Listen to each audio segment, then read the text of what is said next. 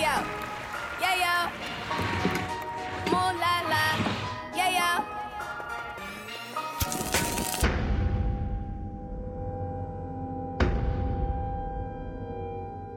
Hjärtligt välkomna till podcasten som heter Magnus och Peppes podcast. Jag heter Magnus Silvenius Öhman Jag heter Peppe Öhman. och vi sitter här i Santa Monica och försöker vidga era huvuden med viktig information som har med samhälle att göra, som har med feminism att göra och som har med eh, journalistik att göra. Mm. Och däremellan brukar vi toucha saker som rasism och sånt. Och sådär. Ehm, vi dyker rakt ner. Eller det vi hörde just det var förstås introt till Rihannas senaste monsterhit Bitch better have my money. Och eh, videon har ju fått jättemycket kritik för att vara väldigt våldsam. Supervåldsam. Ja. Och du håller med? Den är, jag tycker den är supervåldsam. Och, Och ändå visas nästan inget våld. eh, visst, visst visas det ju våld. Nej, alltså du, du ser ju inget våld. Alltså det är ju inget som syns. Eller hur definierar Alltså, du våld det är här? ju en eh, kvinna som hänger hängd upp och ner i sina ben och så får hon en flaska i huvudet och sätts in i en eh, Louis Vuitton-väska. Att och- sätta sig in i en Louis Vuitton-väska låter väl mer som en dröm om vi ska vara helt ärliga. Och, eh, och så dränks hon nästan. Och jag menar, Hon göms ju. Hon göms ju för polisen. hon Du råkar ju... händelsevis gömmas under vattnet. Ja, ja, nej, under en, eh, en För lika... hennes eget bästa. Under en likadan, eh, under en likadan sån här uppblåsbar krokodil som vi har på balkongen göms hon under för att polisen är där och kollar vad de här mystiska gangstersarna ägnar sig åt på det här motellet som de tillbringar tid. Nå, först tänkte jag sådär, jaha, det här var ju superoriginellt att göra populärkultur som baserar sig på våld mot kvinnor.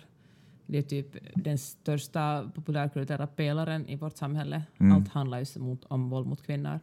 Men sen läste jag en text där det stod att eh, många vita feminister blir upprörda av den här för att eh, vi är så ovana vid att se våld från rasifierade kvinnor mot vita kvinnor. Och att- Alltså problemet här är att det är en svart tjej som misshandlar en vit tjej. Det, ja, och det är det som många, många undermedvetet är det många vita kvinnor som stör sig på just det faktumet. Och att i verkligheten är det så att vita kvinnor förtrycker svarta eller rasifierade kvinnor på samma sätt som män förtrycker kvinnor. Men, men vänta, okej, jag hör det. Jag hör allt det där. Eh, Men måste man övertänka det här? Kan inte det här bara vara en Scarface-version av en frustration hon kände med sin revisor för många år sedan? Från Och s- 2009 var som på riktigt lurade henne på 9 miljoner. Va? Ja, eh, och det är ju faktiskt han som är the bitch i, det här, i den här videon. Ja, Liksom. det tycker jag är coolt att det är han som är the bitch Ja. faktiskt.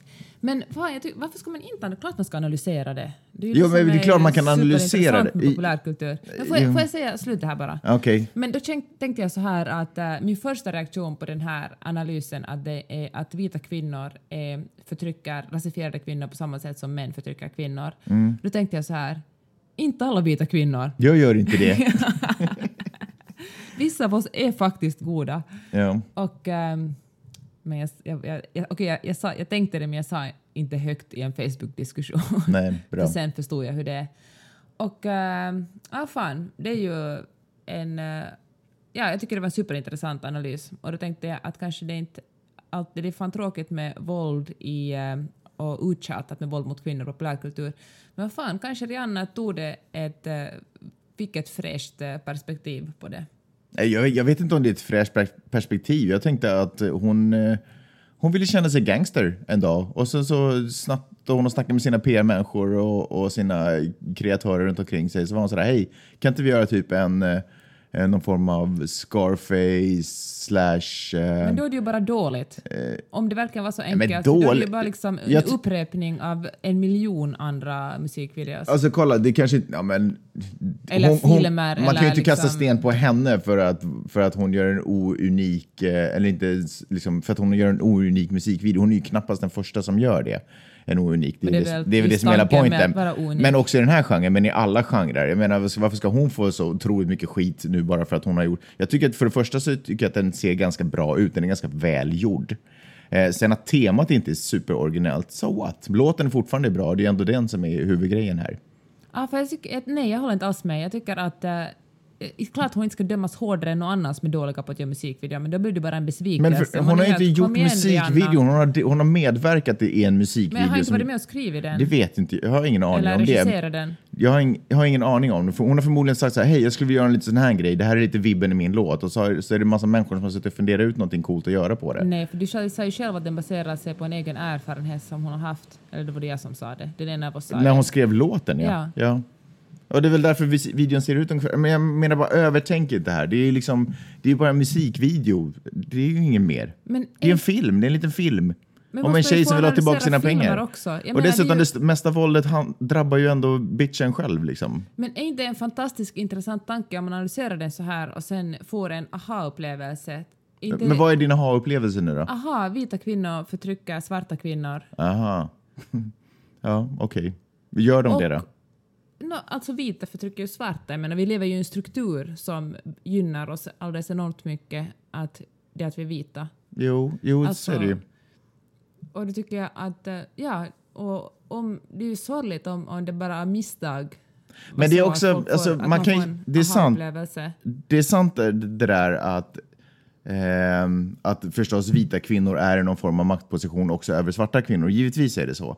Men man kan ju lägga det där äh, filtret på allting och så blir det ju på något sätt sant för du kan ju aldrig motargumentera. Det kanske inte nödvändigtvis var din första tanke att det är där liksom eh, du kan ju inte motbevisa det inom dig själv heller. Du kan inte svära på att det var att det inte bottnar sig i någon form av att du inte är rasist i grunden helt enkelt. Att du inte har massa fördomar och därför har du reagerat på det direkt. Men är det liksom... Jag vet Men inte. kan Det, känns som... För några veckor sedan talade vi hemskt mycket om konstnärer. Du sa att stand-up-komiker är konstnärer. Då Mm. måste väl för helvete musiker också vara Ja, konstnärer? verkligen. Och då handlar ju deras verk om att väcka tankar och liksom föra samhället kanske lite vidare. Mm. Och då är ju, om, om, om vi säger att Rihanna bara råkar snubbla och så blev det så här att, att hennes, eh, hennes video är... Alltså det, det är jätte, det är dissa henne att säga att hon inte hade. Hon är, hon är bara en, en vanlig typ som råkar göra en musikvideo som råkar tänka en massa... en Nej, massa nej, men jag säger, nej men alltså, hon vill väl vara tuff som alla andra i den där musikgenren liksom. Det är väl, kan inte hon få vara det liksom? Kan inte hon få vara en av de alla andra som gör tuffa och coola videor där de skjuter folk och är supergangster och har Kan inte hon partyn? få vara lite bättre än dem, lite smartare och, göra, och verkligen ha en mening bakom våldet och inte bara göra våld för att hon kopierar alla andra? Men hon har ju som mening bakom våld. vålden, våldet. Hon säger att du kan inte trampa på mig bara för att jag är tjej. Jag tänker kräva tillbaka, precis som alla andra så tänker jag kräva tillbaka mina pengar. Okej. By the fury of the fist tänker jag få tillbaka mina pengar. Och jag skulle vilja poängtera att det är han som drabbas av det grövsta våldet i det där. Det är ändå dit allting riktar sig. De Fast nu försöker... får den där vita bruden får nog jävla mycket stryk. Hon under- får ja, faktiskt inte jäkla mycket... st- Nej, det är faktiskt inte sant. Om du kollar på den där videon så försöker de använda henne, de försöker använda hans fru i utpressningssyfte. När de märker att det inte funkar så är de i princip på väg tillbaka för att ta tag i mannen själv. Och under den tiden så måste de gömma henne för poli- från polisen. Och därför så när den här vita kvinnan, den här Porsche-damen, när hon eh, vinkar efter polisen som rullar förbi så slår de henne en flaska i huvudet för att de ska lugna ner sig. Men det är i princip det enda våldet. Det är ju våld. Och det är ju, du menar men att det är det är klart inte att det är våld att våld, hänga men- någon upp och ner i benen? Jo, jo men det... det Eller att hålla någon under vattnet? Jo. Ja, men det är ju en film, de gömmer henne, de är ju desperata kriminella. Liksom. Det är klart att Vi det är en- måste förstå dem. Ja, men det är klart att det, är en, det finns en våldsaspekt i det, men hon drabbas ju hon liksom, De är inte liksom ute för, Det är ju inte Clockwork Orange mot henne. Liksom. Det är inte, de blir ju inte galna. Det är inte eh, natural born killers mot henne. De skjuter ju inte henne. De håller ju inte på att uh, hugga henne med kniv eller, eller du vet, misshandlar henne. De slår henne i flaska i huvudet och de vänder henne och upp och ner i ska, poolen. det ska man ju kunna ta. De kanske inte Det ens med våld- bästa kanske. De kanske sa så här. Kanske det var en värderad flaska. Ja, men däremellan får hon ligga i en pool. När det inte finns någon poliser och ingen fara, då får hon ligga vid Hon är ju bakbunden hela tiden. Då får hon ligga vid poolside. Ja, men hon är fortfarande nej. deras fånge. Men Det är ju en bara- kriminalhistoria. Men hon är ju bara där för att de ska Det är fejka att hon är en av dem. Det är ju en maffiahistoria. Alltså, det är klart att Gudsfadern och Gudfadern också är våldsam. Ska den filmen inte ha gjorts? Men det är skillnad på att göra en första film, att göra något originellt, än att bara kopiera. Nej, det är alltid originellt när det är nya människor som gör sin lilla twist och sin lilla aspekt. Den här är hyfsat Nej, det är originell. Den här är hyfsat originell på det sättet att det här är en kvinna nu som är. Det här är ju ändå ett matriarkat. Det är en kvinna som bestämmer reglerna och sätter, sätter agendan. Det är ju ganska originellt. Ja, ja. I alla andra maffiafilmer så är det ju bara snubbar som har varit de här äh, våldsverkarna. Kill Bill tog du ju själv som exempel. Mm, bra exempel. Men äh, det är ju Det väl... börjar ju också ha några år på nacken. Ja, men det är fortfarande, det är ju, ja, ja, det är sant. Men jag tycker inte att, bara för att all, allting har ju gjorts förr, vadå, det, det är ju liksom, allting har ju funnits. Sen, jag vet inte hur länge drama existerat som fenomen, men, men garanterat så har ju allting gjorts på ett eller annat sätt liksom. Men det som gör det, det som hela tiden för det framåt är att det är nya människor som gör det. För man sätter in sin lilla twist, det är kanske inte ett stort steg framåt, men det är fortfarande en liten, liten twist som gör det möjligt för någonting annat att hända. Nå, min, jag tycker i alla fall det var en jävligt bra analys det här att, eh, och jag hoppas innerligt, jag vill tro att, att eh, Rihanna ville väcka diskussion om eh, vita kvinnor versus rasifierade kvinnor istället bara för att göra en tråkig, våldsam musikvideo. Låten som sådan då? Jag tycker den är svinbra. Tycker du att det är upprörande att hon använder bitch med det här My Money? Varför är det negativt? Vad, eller har du stört dig på det? Att de använder liksom ett Tvärtom kvinnligt skällsord? det var kanske lite överraskande. Att, eh, det var, att hon sjunger om en bitch som är en man. Det, var, ju, det var ju liksom... eh, en Mm. Men tycker du inte att det är, är det inte, men har inte du den feministiska twisten på det att varför använder man ett kvinnligt, ett kvinnligt skällsord för att liksom nedvärdera en man? Och du menar att man talar, kallar någon kärring? Ja, liksom- precis. Mm, kanske det. Hur tycker du då?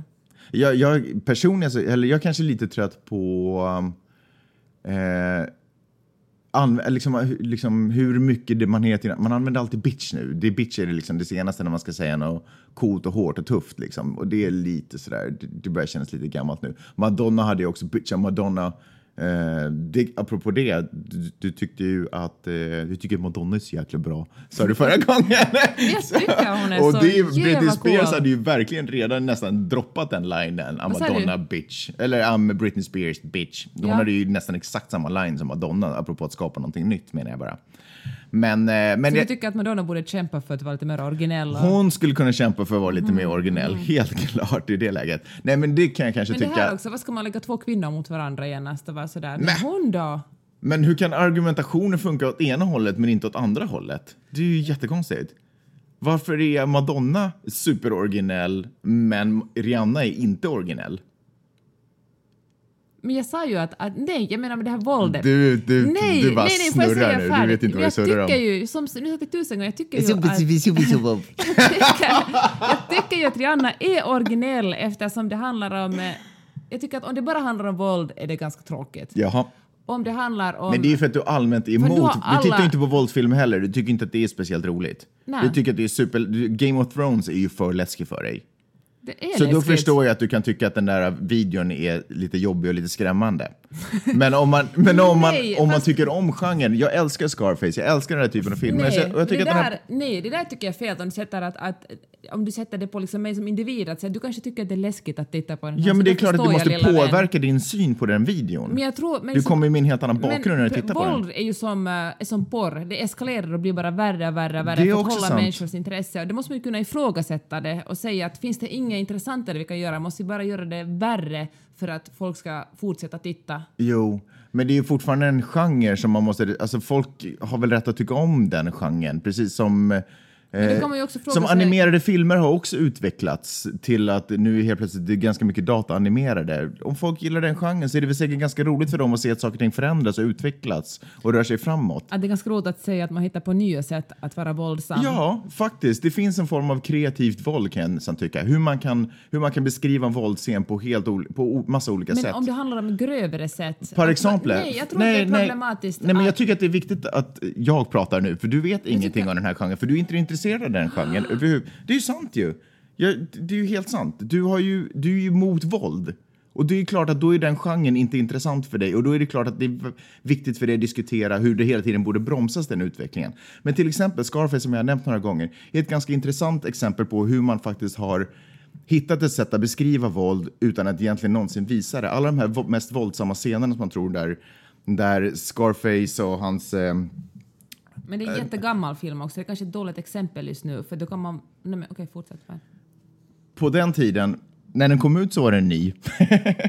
och det man gjorde var Fair enough. Och det man gjorde var, Bra. den här, en av de kändaste scenerna där eh, de har blivit kidnappade, eller skitsamma, de har hamnat i trubbel med ett gäng colombianer och så är hans polare upphängd i, i badrummet och ja, jag menar, all, det här är så pass klassiskt exempel så till och med du känner säkert till det. Eh, och man står, han står med motorsågen och ska såga av armen och man har en feeling av att man ser allt det hända men ingenting visas egentligen. Vilket är ett ganska kreativt sätt att visa det våldet på. Det är skillnad från eh, ja, nu kommer jag inte på någon annan, men massa andra filmer där våldet visas uttryckligen. Okej, när Tarantino gjorde till exempel Kill Bill Bra exempel där våldet om, visas uttryckligen. Ja, men då snackar han mycket om att han vill göra våldet så äckligt att folk ska ta avstånd från det. Mm. Men jag tror att det är, det här är inte en specifik kritik mot Tarantino, men jag tror att det är problematiskt att man normaliserar porr, alltså, alltså porr, också. Hallå ja, hej Freud! Förlåt, jag, kan börja tänka, jag tänker också på porr nu, för jag tycker Ja, det är de bra är- att jämföra dem.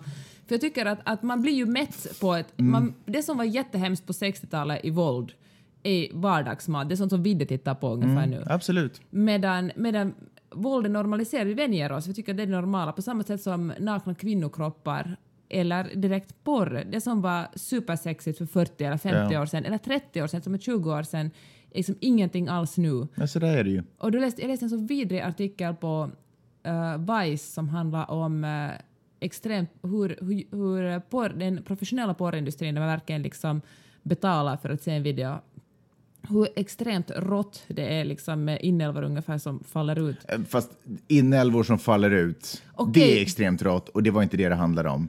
Keep it real. Säg vad det handlar om egentligen. Nå, En superextrem form av ana- analsex Ja. där delar av kvinnan faller ut. Och jag kan lägga upp den på vår Delar av kvinnan faller ut, faller ner på golvet, plats och kommer inte upp igen. Nej, den kommer upp igen, men så måste man vila lite så, så, att, så ens röv hinner läka sig. Mm, Okej. I alla fall, men eftersom, att- för folk, eftersom amatörporren hela tiden finns överallt och är gratis så har folk inte någon lust att betala för professionell porr och då har då är ju de här eh, porrproducenterna får panik och då måste man göra det lite råare.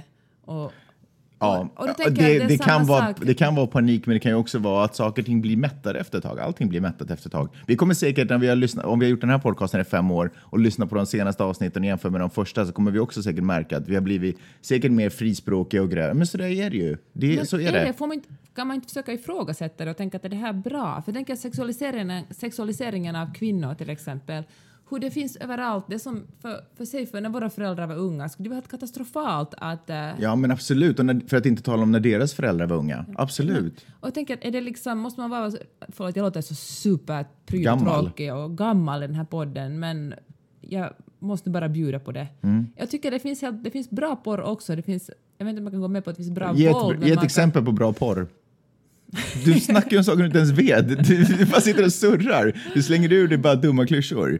Alltså, det, det, det är, jag håller med dig om att det är klart man ska ta en diskussion om det och prata om det. Man kan inte bara vara Men jag att tror- att, att så jag tror, ändå bara- att, jag tror att utvecklingen ändå är oundviklig därför att folk blir mättade och då måste någonting nytt hända. Jag tror att det bara är så. Du, vi hade ett snack om hiphop-musik till exempel. För på 90-talet så då var det tre snubbar i Tribe Called Quest som var upprörda över att de tappade sin plånbok i El Segundo. Men idag så är det typ sådär, ja men bitch better have my money ungefär och, och det ska skjutas och folk är fett coola i sina Maybachs och vad de nu sitter i och chillar. Så det är klart att allting utvecklas, allting blir mättat. Men, Men, men, men jag, jag, får jag slänga ut ett litet hoppets röst? För jag tror att allt det här är del av liksom det är som att det fungerar som en sinuskurva. Att det går uppåt och sen så kommer det motreaktion. För allting är ju egentligen motreaktioner men på då allting. måste man ju få, då måste man få vara den där pryda människan som jag som sitter och tycker jag förbjuder inte dig att ha en eh, åsikt. Att det kanske, för det, det, det snar, liksom, eh, folk kollar, som barn kollar, kollar så mycket på porr att... eh, Men det ska ju barn inte göra. Men de gör det för det är tillgängligt. Ja, Och- men och då- Liksom, och ja, Men, och, och, har de, och folk liksom, fast- män blir in, män är så här, "Men vadå, du talar hela tiden, jag får också säga, det är också Ja, min podd det Säg här. inte så mycket dumma saker då. Varför- säg- Själv säger du dumma saker. Okej, kör då. Jag tycker du är dum, Magnus. men säg vad du ska säga. Ja, när jag säger bara att det sitter en, en massa tonårspojkar som är porrimpotenta för de får liksom inte upp den för de har, haft, de har kollat på så mycket porr så de kan liksom inte ha vanligt sex mera. Fett klantigt. Men det är för att ingen mamma och pappa var det där och sagt att gör inte det här för det här kommer hända. Skyll bara på föräldrarna. Ja, men det är ju Nej. faktiskt föräldrarna. Föräldrarna men- får inte, det är ju ny tid liksom. Ja, Föräldrar får kan- ju fan hänga med. Så man kan inte bara vara sådär att "Nå, utvecklingen utvecklas, så här går det nu bara. Därför tycker jag det är viktigt att man istället Ja, pratar och funderar absolut. och Jo, jo, jo. analyserar och funderar att, att är det här en, en eh, borde vi göra någonting? Borde du göra, göra någonting åt det Ja, här? det vi borde göra är att vara väldigt lyhörda för vad Vidde ägnar sig åt och liksom ha, ha lite koll på det. Men du har ju helt rätt. Sen, sen Att- vet jag inte om, det, om, om våld är du tänkte faktiskt bara hålla med dig. Men Okej, kör. fine. Jag då. tänkte bara säga, du har ju helt rätt. Det är klart att man Säg tiden- Peppe, du är inte dum. Peppe, du är inte dum. Det är klart att man måste föra en diskussion och ta upp sådana saker och diskutera det. Men, men, men det är ju ingen diskussion om, om jag bara sitter och håller med dig och säger att ja, du har helt rätt. Nej, det är världens Alltså, tråkigaste po- podd. Men det är inte därför jag- tråkigaste det- porr i så fall. det är inte därför jag inte håller med dig, men jag bara menar att diskussionen, kärna är ju att man sitter och diskuterar någonting fram och tillbaka, kollar på det, vrider på det. Kanske jag säger någonting så får det bara så ah men shit, kanske det är bra att... Alltså talar du om den här podden eller folk i, nej, jag i pratar om... samhället? Nej, jag pratar... Ja, precis. Att man, klart man ska föra diskussioner om det här. Helt klart. Att behöver vi grövre saker? Och knappast behöver vi det, men jag tror ändå, vare sig vi behöver det eller inte, så är det oundvikligt. Får jag säga en sak till om porr? Eller tänkte du säga någonting om porr? Nej, nej, fortsätt bara prata. För det jag tycker är intressant med porr, jag gjorde ett eh, avsnitt för många år sedan, eller jag säga, men så många år sedan kanske det inte var sist och slutligen. Ett porravsnitt. Eh, ja, ett avsnitt om, eh, jag kommer inte ihåg, avsnitt om pornografi, ja det var väl så. Och det som ändå, Alltså i TV. Ja, alltså jag gjorde inte ett porravsnitt. Det var det du sa. Ja, men fuck, du vet vad jag menar. Ehm, och det som slog mig då, som jag kanske aldrig riktigt hade fattat och som jag tror att också folk har svårt att kommunicera ut till yngre människor, är ju att de eh, professionella aktörer och aktriser, jag tror att det är lite problematiskt Aktriser. eh, problematiskt med eh, amatörporr, för de imiterar ju professionell porr och sen så kanske de tar smällar på mycket hårdare sätt. är ju att de här professionella porraktörerna och porraktriserna är ju ungefär som Vem gymnaster. är tusen år gammal nu? Alltså de är ju som... är en aktör De är, en aktris? de är ju som gymnaster. De har ju alltså... För det första så är det ju en annan miljö de arbetar i som i bästa fall, och kanske, kanske mest i USA förvånansvärt nog, eh, mycket tryggare än vad naturligtvis amatörskådespelare håller på med. Och de gör ju saker med sina... Det är ju ett exponeringsmedia. Liksom. De gör ju saker med sina kroppar som de på sätt, till viss mån också är tränade till att göra. Och de kan tips, tips och tricks. Det du sa så eh, det var kanske innan podcasten i och för sig, just den här, apropå den här uh, analsexgrejen där inälvor faller ur kroppen, vilket ger en bild som kanske inte nödvändigtvis är helt sann, men fortfarande inte behagligt. Rosebud. Även, jag tycker till och med att man kan hålla sig till sanningen där. Det är fortfarande obehagligt. Ehm, men, men för att så, då förbereda sig på en analsexscen så an, har eh, porraktrisen lämpligen, men säkert också vissa manliga porraktörer eh, i gaygenren till exempel, eh, ett föremål, även kallad en buttplug, eh, i rumpan kvällen innan. Så, jag vet inte hur långt innan, men jag antar... Natten innan Natten innan. Man ska sova läste. Man ska sova den för att mjuka upp, vilket är ju ett... eh, Det låter ju som värsta trickset. Det här är ju, så, det här är uppenbarligen folk som vet vad de gör. Mm. Förstår vad jag menar? Ehm, så, men... ehm, Ja, men på så sätt så tycker jag att den är ganska fascinerande. Jag vet att det, allting blir grövre och det är ju absolut ett problem. Och porr som sådant är på sätt och vis också ett problem, därför att det, eller det är ju ett problem, därför att det är ju den här kvinnobilden då som man kan, som man kan diskutera med den, huruvida den är bra eller inte. Men det de ägnar sig åt tycker jag på sätt och vis är ganska fascinerande. Vad de kan göra med sina kroppar Mm. är ändå ganska fascinerande. Tycker du att det är problematiskt med så att det finns så mycket porr? Jag tycker att det är problematiskt. Uh, är det problematiskt att det fin- Jag kanske har lite den här synen att... eh, eller ja, jag ska, jag ska svara ja först. Ja, det är problematiskt att det finns så mycket porr. Men det som jag tycker nu, idag, är problematiskt är ju att vi får ju inte bort den podden. Och det är problematiskt att så mycket ung, barn och unga lämnas ensamma med Man borde kolla med sin mamma Nej. och pappa. Ja, absolut. För den där uh, ogenerade känslan. Eh, nej, det tycker jag inte att man nödvändigtvis behöver göra. Men, men det måste på något sätt introduceras. På, man måste förstå att det här, det, liksom, det här, är inte, det här är inte verklighet. Det här är, det här är som att titta på Jackie Chan. Han kan göra saker som du inte kan göra och därför ska inte du gå ut och klättra på hus och låtsas att du är Jackie Chan. För att han är gymnast liksom. Han är, ju- han är ju en... Han, du vet, han gör ju grejer som du inte kan helt enkelt. Det kommer att tänka på, det finns en, en Facebook-sida och ett, ett Twitter-konto som heter Snubbarna som lägger upp uh, screenshots. Folk får skicka in och de hittar själva också vad, vad, kvinn, vad män, eller ofta det pojkar, men det är också vuxna män, har skrivit till, uh, till uh, flickor på, och, och, kvinnor på Facebook och Tinder och allt möjligt. Mm. Som är så otroligt grova sexuella... Först bara så att hej, kom hit och sug min kuk. Och sen svarar kvinnan va, nej. Och då svarar männen din jävla fitta, jag ska våldta dig. Och uh, ja, men jag rekommenderar liksom, gå in och kolla snubbarna, Facebook och Twitter. Mm. Det är speciellt om man uh, Ja, kanske speciellt om man säger så här att, att det, bara en, det är bara vissa få män som hatar kvinnor. Och då ser man att det finns så otroligt mycket av de här. Det kommer som nya, det kommer som hundratals nya varje dag screenshots på, Mm. Det som är lite ledsamt är att jag tror inte att de förstår att de ägnar sig åt kvinnohat. Jag tror att de är sådär, men jag älskar ju kvinnor, det är därför. Men eh, jag tror att man bara har en väldigt snedvriden bild av vad det innebär att älska någonting egentligen. Nej, tror du det?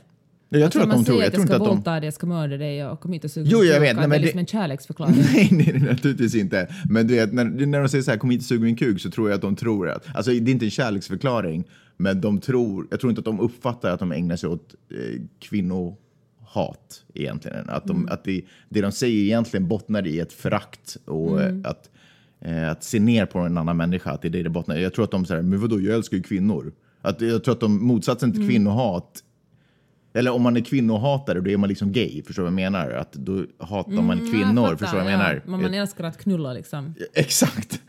Jag sa det där. Mm. Så, gud, du är så grov. Jag tyck, det, det här är ett tydligt exempel på den här podcasten. Det här skulle du inte ha sagt för ett halvår sedan.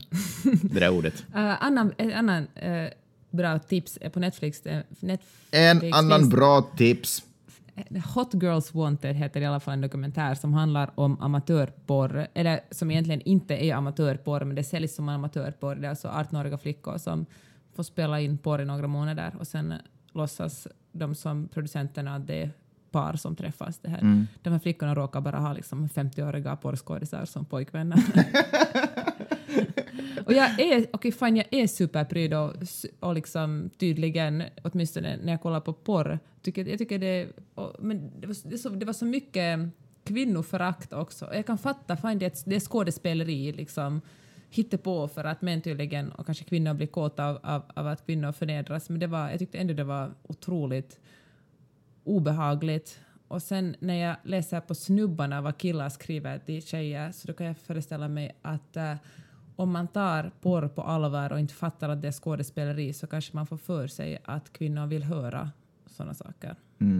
Men sen också, en sak att det finns människor som eh, har kraft och energi och det engagemanget i kroppen att man skriver såna här vidriga saker till andra människor och i det här fallet då tjejer. Det är en sak. Eh, Men att det står... Men alltså inte folk. Män, ja förlåt, män. Att, att män gör det.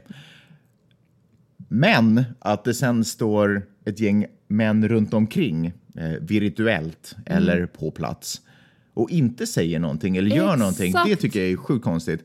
Och jag läste, det var väl på din blogg där någon hade kommenterat, vadå, ska jag, ska jag eh, ska man kräva att 99,99 procent, som om ungefär det var det förhållandet, eh, av männen hela tiden ska argumentera eller skrika ut att de inte är. Men det är inte det det handlar om. Det är som när någon står och blir mobbad på skolgården. Då måste ju någon kliva in och, Annars är man ju och ta del av problemet. Precis annars, precis, annars så får ju de andra fortsätta. Du behöver inte, det är ju ingen point att stå på andra sidan skolgården och skrika att du inte är en mobbare. Det är ju inte det någon är intresserad av att höra. Men kliv in emellan och ta den mobbade i försvar och bryt upp mobbningen. Liksom. Det är det du ska göra. Gå in och visa att, inte säga att du är att du inte är en mobbare, utan gå in och visa att du inte är en mobbare för att ge den andra lite... För att in, ingen ska behöva vara ensam. Men tror du det handlar om, för handlar om att det finns någon slags kollektiv skuld hos män? För att varje gång jag skriver, jag skriver ganska mycket om feminism, Va? eller om jag Aha. delar, om jag delar någonting på Facebook, Twitter, så det är bara mina kvinnliga vänner som likar det eller retweetar det. En, en man skulle aldrig ta i det, aldrig någonsin. Nej. Det är jättesällan. Tror du det handlar om att, att, att mina killkompisar skäms över att över att de liksom bara inte har något, de vill inte ens tänka på det för de tycker att det är så obehagligt att det finns män som gör så här mot, mot kvinnor. Jag tror att... Eh, jag tror att ingen... Det här kanske jag kan tro är ett fenomen. Jag tror att folk tycker inte om att synas bredvid människor som är arga. Och jag tror att folk kanske uppfattar dig som arg. Och att sen ställa sig bredvid dig och bara kanske inte känna att man har det riktigt det Men, engagemanget. men brin- igen, för kvinnor gör ju det.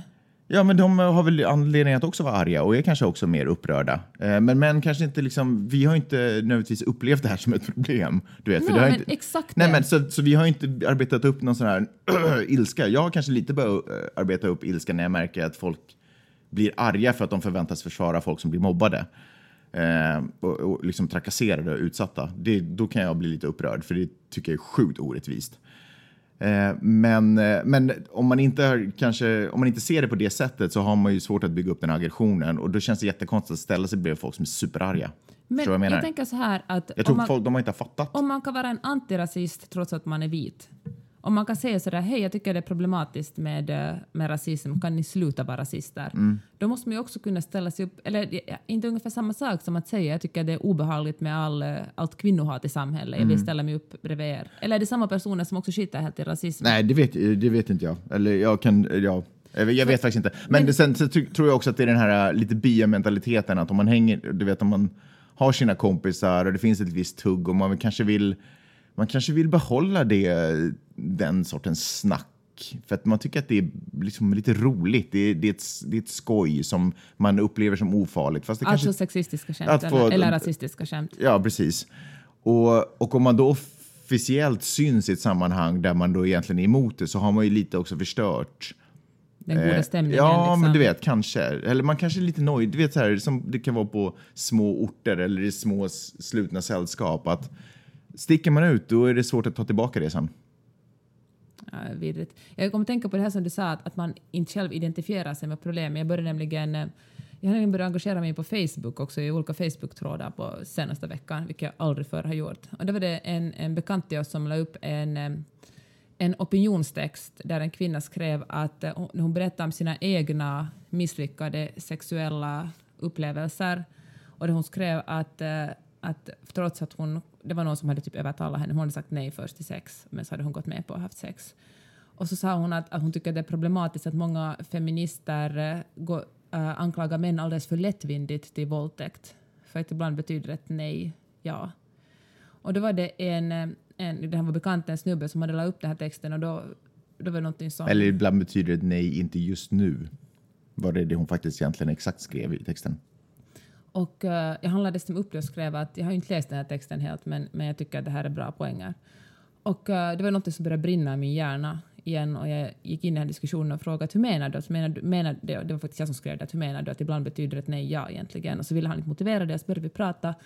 Och så var det en, en annan journalist, snubbe, som också gick med i diskussionen. Och, och de eh, tyckte helt enkelt att det är ett lika stort problem att bli anklagad. Att som man finns det helt en risk att man ska bli anklagad för våldtäkt som om kvinnor skulle gå omkring och använda hotet mot att anklaga någon för, för våldtäkt som, som någon slags hämnd eller hot, som att verkligen utsättas för våldtäkt. Och uh, jag kan inte föreställa mig att det skulle vara, eller det är ju absolut inte jämförbara, jämförbara problem. Liksom, varje dag blir kvinnor våldtagna Amen. Varje dag det är en festival, nu på Bråvalla-festivalen som vi pratade om mycket förra, förra podcasten var det igen en massa kvinnor som hade blivit våldtagna eller åtminstone utsatts för våldtäktsförsök. Och det är liksom något som hela tiden begränsar kvinnors rörelsefrihet. Man funderar helt enkelt, borde jag ta taxi hem?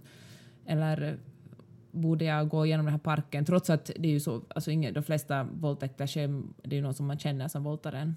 Men, och då tänker jag att de här männen engagerar sig först när det finns minsta lilla chans att de kunde drabbas av någonting och då den här extremt stora skräcken hos dem att bli anklagade för att begå våldtäkt.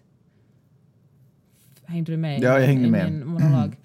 Och då tänkte jag att för det första att anklaga någon för våldtäkt, alltså om man blir våldtagen är det på något sätt så förnedrande att man har varit dum nog att, att gå hem med någon. Liksom. Det är det första jag kan föreställa att en kvinna känner, herregud så dum jag var. Jag drack för mycket, jag kanske sa någonting som tydde på att jag ville ha sex eller jag gick hem med en halvfrämling eller jag var inne i ett rum med någon och jag var, jag vet inte, hade en för kort kjol på mig. Och, och så blir man in, så blir, kommer med polisen och frågar en hur, att hur mycket sex man har haft förut, har man varit sexuellt aktiv, hur full var man, vad hade man på sig? Trots att man inte får fråga så är det så folk ser på en, förtjänar man det? Och tänker att plus att det är ju en, absolut inte alla våldtäkter som någonsin som våldtäktsmän som får sin bestraffning. Det är jättevanligt att de friges också. Nu har jag förstås ingen statistik framför mig. Men då tänker jag att, att det är ju ett, ett himla dåligt vapen om man vill hämnas på någon eller göra någon man illa att anklaga honom för våldtäkt. Ja, jag tyckte att det och jag har stött, stött på det där allt oftare. När man lite så här, har sett det en gång så är det som att man ser det hela tiden. Hur folk använder... Och jag är mest imponerad när journalister gör det. Och nu pratar jag om hon som skrev... Det var inte en artikel, det var väl en Det opinion. var en opinionstext, ja, precis. ja. Hon som skrev det, jag vet inte vad hon heter. Men hon som skrev den, så hur man använder sitt... sitt eh, en händelse i sitt eget liv som ett exempel på ett strukturellt problem. Eh, och, och jag kan väl se att det ibland kanske kan gå eller kan funka, men hemskt sällan kan jag se att det kan funka. Och vilka bollar man någonstans ändå har, eller vilken livmoder man ändå på något sätt har om man tycker sig vara så en del av folket att, mans, att saker som har hänt i ens liv är så represent, Eller som man själv har upplevt Ja, har hänt i ens liv är representativa hur alla andra upplever det. Exakt. Eh, och den där artikeln eh, tycker jag sög på så jättemånga sätt. Men just kanske framför allt för att hon tyckte att bara för att hon själv var okej med de sexuella upplevelser hon varit med om så borde så ska, man inte, så ska andra kvinnor som inte har upplevt sig vara okej med upplevelser ska inte dras med i feminismens liksom, propaganda om att det är våldtäkt de har varit med om. Och det är sjukt underligt. Det är ju jättekonstigt att komma från en kvinna också. Jag förstår inte hur man inte kan ens sympatisera. Jag menar, då är man ju ändå närmare, tycker jag, borde man vara, att sympatisera med att bli våldtagen. Som man så har man ju ganska svårt att kanske föreställa sig det, med- medan jag tänker mig att en kvinna så har Fast man män inte... blir ju också våldtagna. Det är sant, men jag kan tänka mig att som kvinna så har man varit närmare situationen absolut. aningen oftare än... Jag kan tänka mig att det, det kanske går någon man på, på 50, men ganska många kvinnor på 50. Fast det handlar ju också om att Ja, sympatisera med det 50-årsålder. vinnande laget. Liksom, män har ju alltid män har ju högre status än kvinnor och då vill man vara på i det, man vill säga att hej, var med mig, var jag är den där pojkflickan, jag är, på, jag är liksom på er sida. Det är ju jobbigt, som feminist blir man ju hela tiden sådär eh, Ja, det är en lite lägre status att vara kvinna. Ja. Får jag dra... Får jag, äh, Får jag bara säga en, kvick, Ja. en snabb sak? En kvisk. Mm. En kvisk sak bara här. Att jag tycker att det är superproblematiskt att jämföra problemen att bli utsatt för våldta, våldtäkt och att bli anklagad för våldtäkt. Att om man, det är också att, att, att om man lyfter upp dem som på något sätt jämbördiga problem som en av de här personerna gjorde i den här eh, diskussionen där han, han skrev att han har både döttrar och söner och han vill absolut inte att sönerna ska bli anklagade för våldtäkt och att hans dotter ska bli utsatt för, för våldtäkt. Och då tänker jag att eh, klart han inte vill, men att på något sätt likställa de här problemen eh, det är jätteproblematiskt. Ja. För det finns liksom, ena har en minimal risk och den andra har tyvärr en ganska stor risk. ja. Jag tror att va, alltså, ja, tyvärr blir man som kvinna utsatt för sexuellt våld. Jag ska ta vara på det här. Eh, jag ska fortsätta på det här med eh, att när journalister eller tänkare använder sina egna upplevelser av händelser som exempel på hur det ligger till i verkligheten. För i, i förra veckan, det slutade väl kanske igår, så pågick Almedalveckan i, på Gotland där politiker står och pratar och berättar. Man diskuterar politik i en vecka ungefär. Och, um, inte som en del av Almedalveckan tror jag faktiskt, för hon är ju inte... Ah, skitsamma, Gudrun Schyman var där i alla fall. Represent, eller Ja, liksom, Effie hade ingen egen dag där. nej, precis. Eh, läste det här i, på Dagens Nyheter och det är underligt för att hon sa att de skulle prata på måndag men Almedalsveckan tog slut i söndag. Så nah, skitsamma, det, det är inte så viktigt. Eh, Gudrun Schyman och Feministiskt eh, initiativ eh, drar på sig uppmärksamhet i media nu därför att hon föreslår att 16-åringar, så tidigt som 16 år så ska man få börja rösta. Hon tycker att demokratin är viktigare än att man måste vänta till 18 års ålder.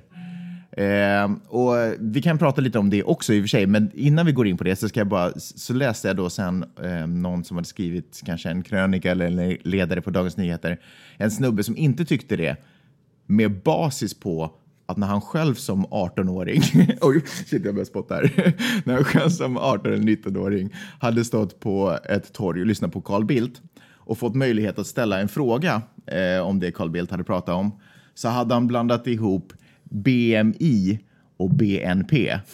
Och med basis på det så tyckte han inte att 16-åringar borde få, få rösträtt. Därför att han tyckte att han själv var dum när han var 19. Nej, men, Det tycker jag är superroligt. men alltså skrev han en opinionstext om det? Nej, jag eller en inte ihåg- ledare eller något sånt där han jag, kommer inte ihåg vilken, mot? jag kommer inte ihåg vilken form av text det var, men den, jag hittade den på DNs eh, liksom första sida där som en länk. Det tycker jag är superroligt. Vad tycker du? Ska 16-åringar, är man för ung? Eh, Om vi ändå pratar om saken, är man för ung att rösta? Om 16-17-åringar är som Sara Larsson, så då fan kör. Hon verkar ju vara mycket smartare än eh, många många 50-åringar? 30-åringar och 50-åringar. Ja. Folk blir väl smartare och, eller jag hoppas, det är väl det evolutionens jobb är väl att göra folk bättre. Men- Så jag utgår, alltså jag tror, eller jag vill tro att folk som, folk eh, är smartare som tonåringar nu än vad vi var. Men kolla, så här tänker jag. Har hjärnan vuxit färdigt när man är 16? Den växer väl tills man är 25 eller något sånt. Då kanske man borde flytta liksom, röstningen till 25. För jag kan inte riktigt, för jag menar det finns ju smarta människor och så finns det dumma människor redan i 16 års ålder. Och, och på samma, alltså det är ju inte en åldersgaranti att man är klok och vis liksom. Det finns ju jättemycket puckade 80-åringar också. Det kan, liksom, man kan ju inte låtsas att det är åldern som gör... Nej, det är sant. Sen kan jag föreställa mig att man brinner mer när man är, när man är tonåring. Och det kan ju inte vara en dålig sak. Nej, att man verkligen, och kanske man är mer, eh, hoppas jag, idealistisk. Att man kan ju inte heller vara en dålig sak. Precis, att, att när man är gamla som vi är så blir man bara cynisk Ja. och börjar rösta på Samlingspartiet och Ja, Moderaterna. absolut, jag, jag, verkligen. Och jag tror att man också har en tendens att mer sådär safea för sig själv när man blir Ja. äldre. För man kanske tycker att man har större ansvar med familj och alltihopa. Precis. Det är inte för ens egen skull man röstar längre. Medan man som, kanske som ung tenderar att vara sådär, Vill "Fuck it, jag världen." vill hit, det här ska bli, precis, exakt. Att man, Eller den här världen vill jag växa upp i. Åtminstone så tycker jag att jag, nu tar jag ett exempel från mitt eget liv, tycker jag att jag åtminstone var mer idealistisk. Ide, mer av en idealist när jag var yngre. Men skitsamma, man ska, inte, man ska inte fatta ett beslut med basis på vad jag har varit med om i livet.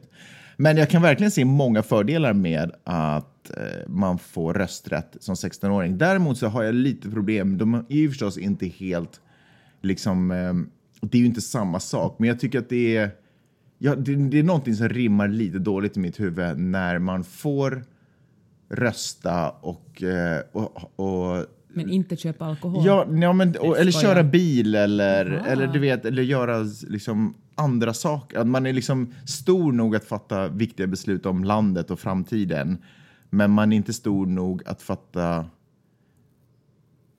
att bestämma över sin vardag. Fast liksom. det är kanske olika saker. Det kanske är olika bra saker. Att inom, eller det är ju jätte, det är inte bara kanske, utan det är olika saker. Det är kanske, bra att i, i politiken vara idealistisk och våga ta risker, men om du ska ha körkort så skulle du kanske vara, är det bättre än du är. Nej, men jag vet, jag förstår att det är, Liksom det är ju mindre riskbenägen och vill safea. Absolut, och kanske det till och med är så att jag tänk om det finns någon undersökning som visar att man är mycket bättre på att tänka långsiktigt.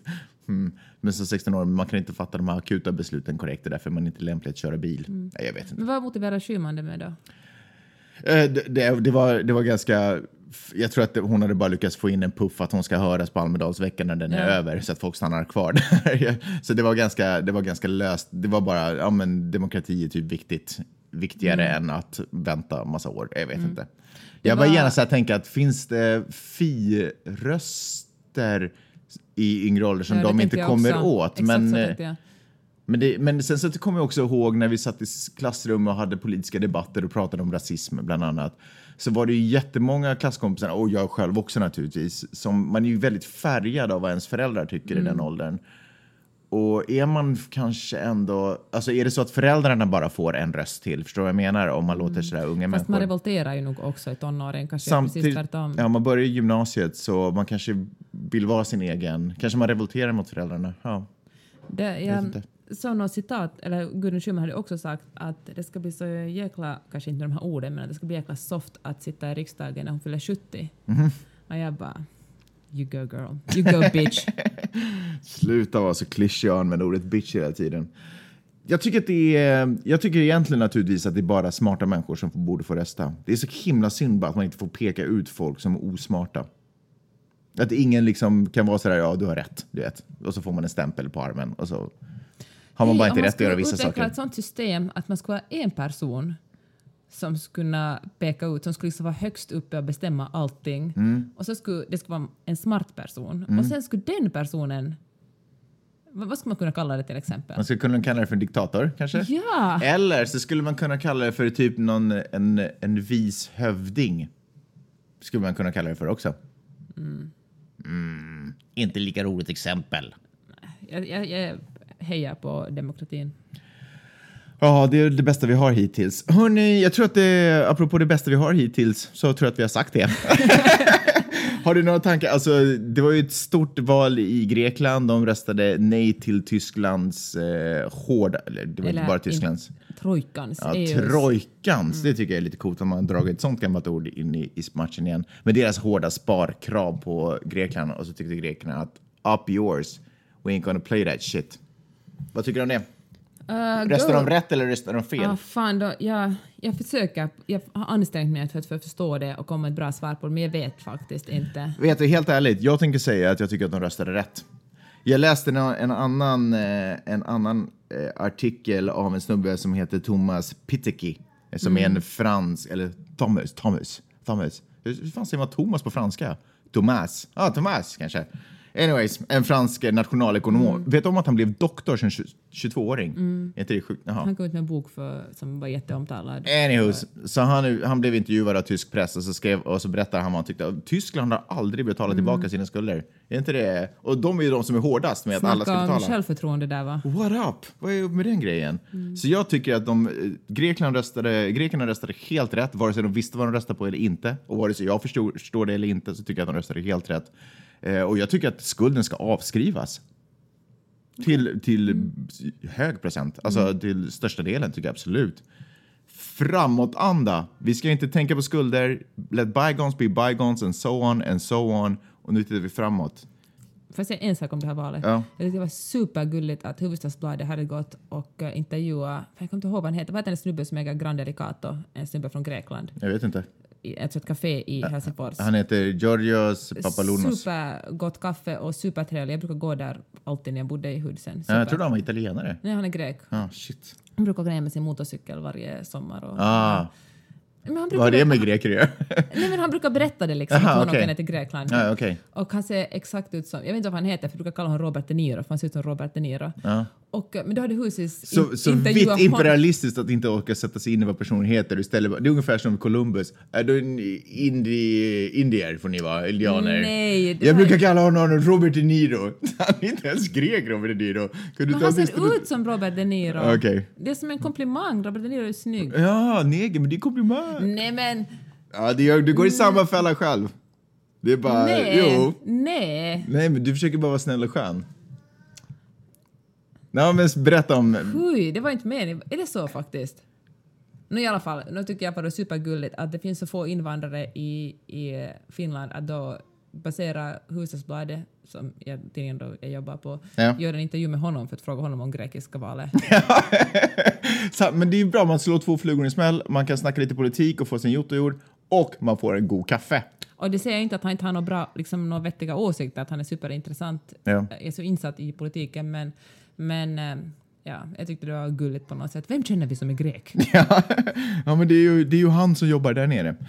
Hörni, eh, är det någonting annat du ville säga om det grekiska valet? Jag vill, nej, men jag vill, fundera, jag vill fundera på det där om det var rasistiskt att tycka att han liknar Robert De Niro. Ja, men det kan du ta en vecka på dig att fundera. Eller vill du Okej. fundera på det nu? Nej, vi, talar om, vi kan tala om det nästa vecka. Okej. Eh, sen har USAs nationaldag varit, the 4th of July, även kallad the 4th. ja, happy fourth. May the 4th be with you. Be with you. Land uh, of the free and home of the brave. Sverige får ju jättemycket kritik, eller brukar dissas för att man inte f- firar så otroligt mycket på svenska nationaldag. Jag tycker inte att det firas så jättemycket här. Det, givet, det är en parad som går på, säkert på olika platser här runt omkring och det är fyrverkerier. Men annars är det ju en vanlig festdag, precis som jag tycker i Sverige också. Du önskar att man skulle ha en, eh, till exempel skulle barn Ah. kunna ha en mottagning Och där folk skulle köa in och skaka hand med honom. Jag- och sen skulle man filma en tre timmar lång sändning där folk dansar vals i hans... eh, Jag tycker att nationaldagar är sådär jätte barnsliga uttryck för någon nationalism som regerade i du vet, 1800-1900-talets sekelskift där ungefär. De flesta nationaldagar verkar som, jag gjorde lite snabb research med Wikipedia så ni får ta det lite för vad det är, men de flesta nationaldagar är ju typ grundats efter typ 1920 till typ 40-talet känns det som. Under nationalismens... eh, Ja men exakt. Nå, nå, den var väl kanske i slutet på 1800-talet. But anyways, du fattar vad jag menar. Att det är ju ingen som, det här är ju bara, jag vet inte. Så vi borde fira världen istället. Fira att vi är, Nej, fira, fan. fira att vi är ett folk liksom. Var lite snälla, gör världen till en bättre plats så har vi anledning att fira sen. Skulle jag vilja säga. Boom. Men det är ju härligt med sommarmat och, och flaggor. Liksom. Det är ju roligt. Men jag fattar inte egentligen poängen om vi ska vara helt ärliga. Nu slutar vi. Vilken jäkla podcast. Hörni, tack så hemskt mycket för att ni har lyssnat den här veckan också. Och ni vet... Oj, förlåt. Förlåt Peppe, jag rev i våra hörlurar. Eh, det jag skulle säga var att ni vet att vi tycker jättemycket om om ni går och prenumererar på den här podcasten. Så då På det iTunes. På iTunes och på Soundcloud och var ni nu hittar den. Eh, på Acast. Acast finns ju också. Och är det så, uh, eller, och gärna också skriva en recension. Eh, för det, och det gäller kanske huvudsakligen iTunes. Det, det betyder jättemycket för oss och det skulle vara superkul om ni visade ert support på det sättet. Eh, annars önskar jag er en fortsatt riktigt trevlig vecka. Och jag tycker att vi hörs om cirkus sju dagar. Det gör vi. Ja. Hej då. Hej då!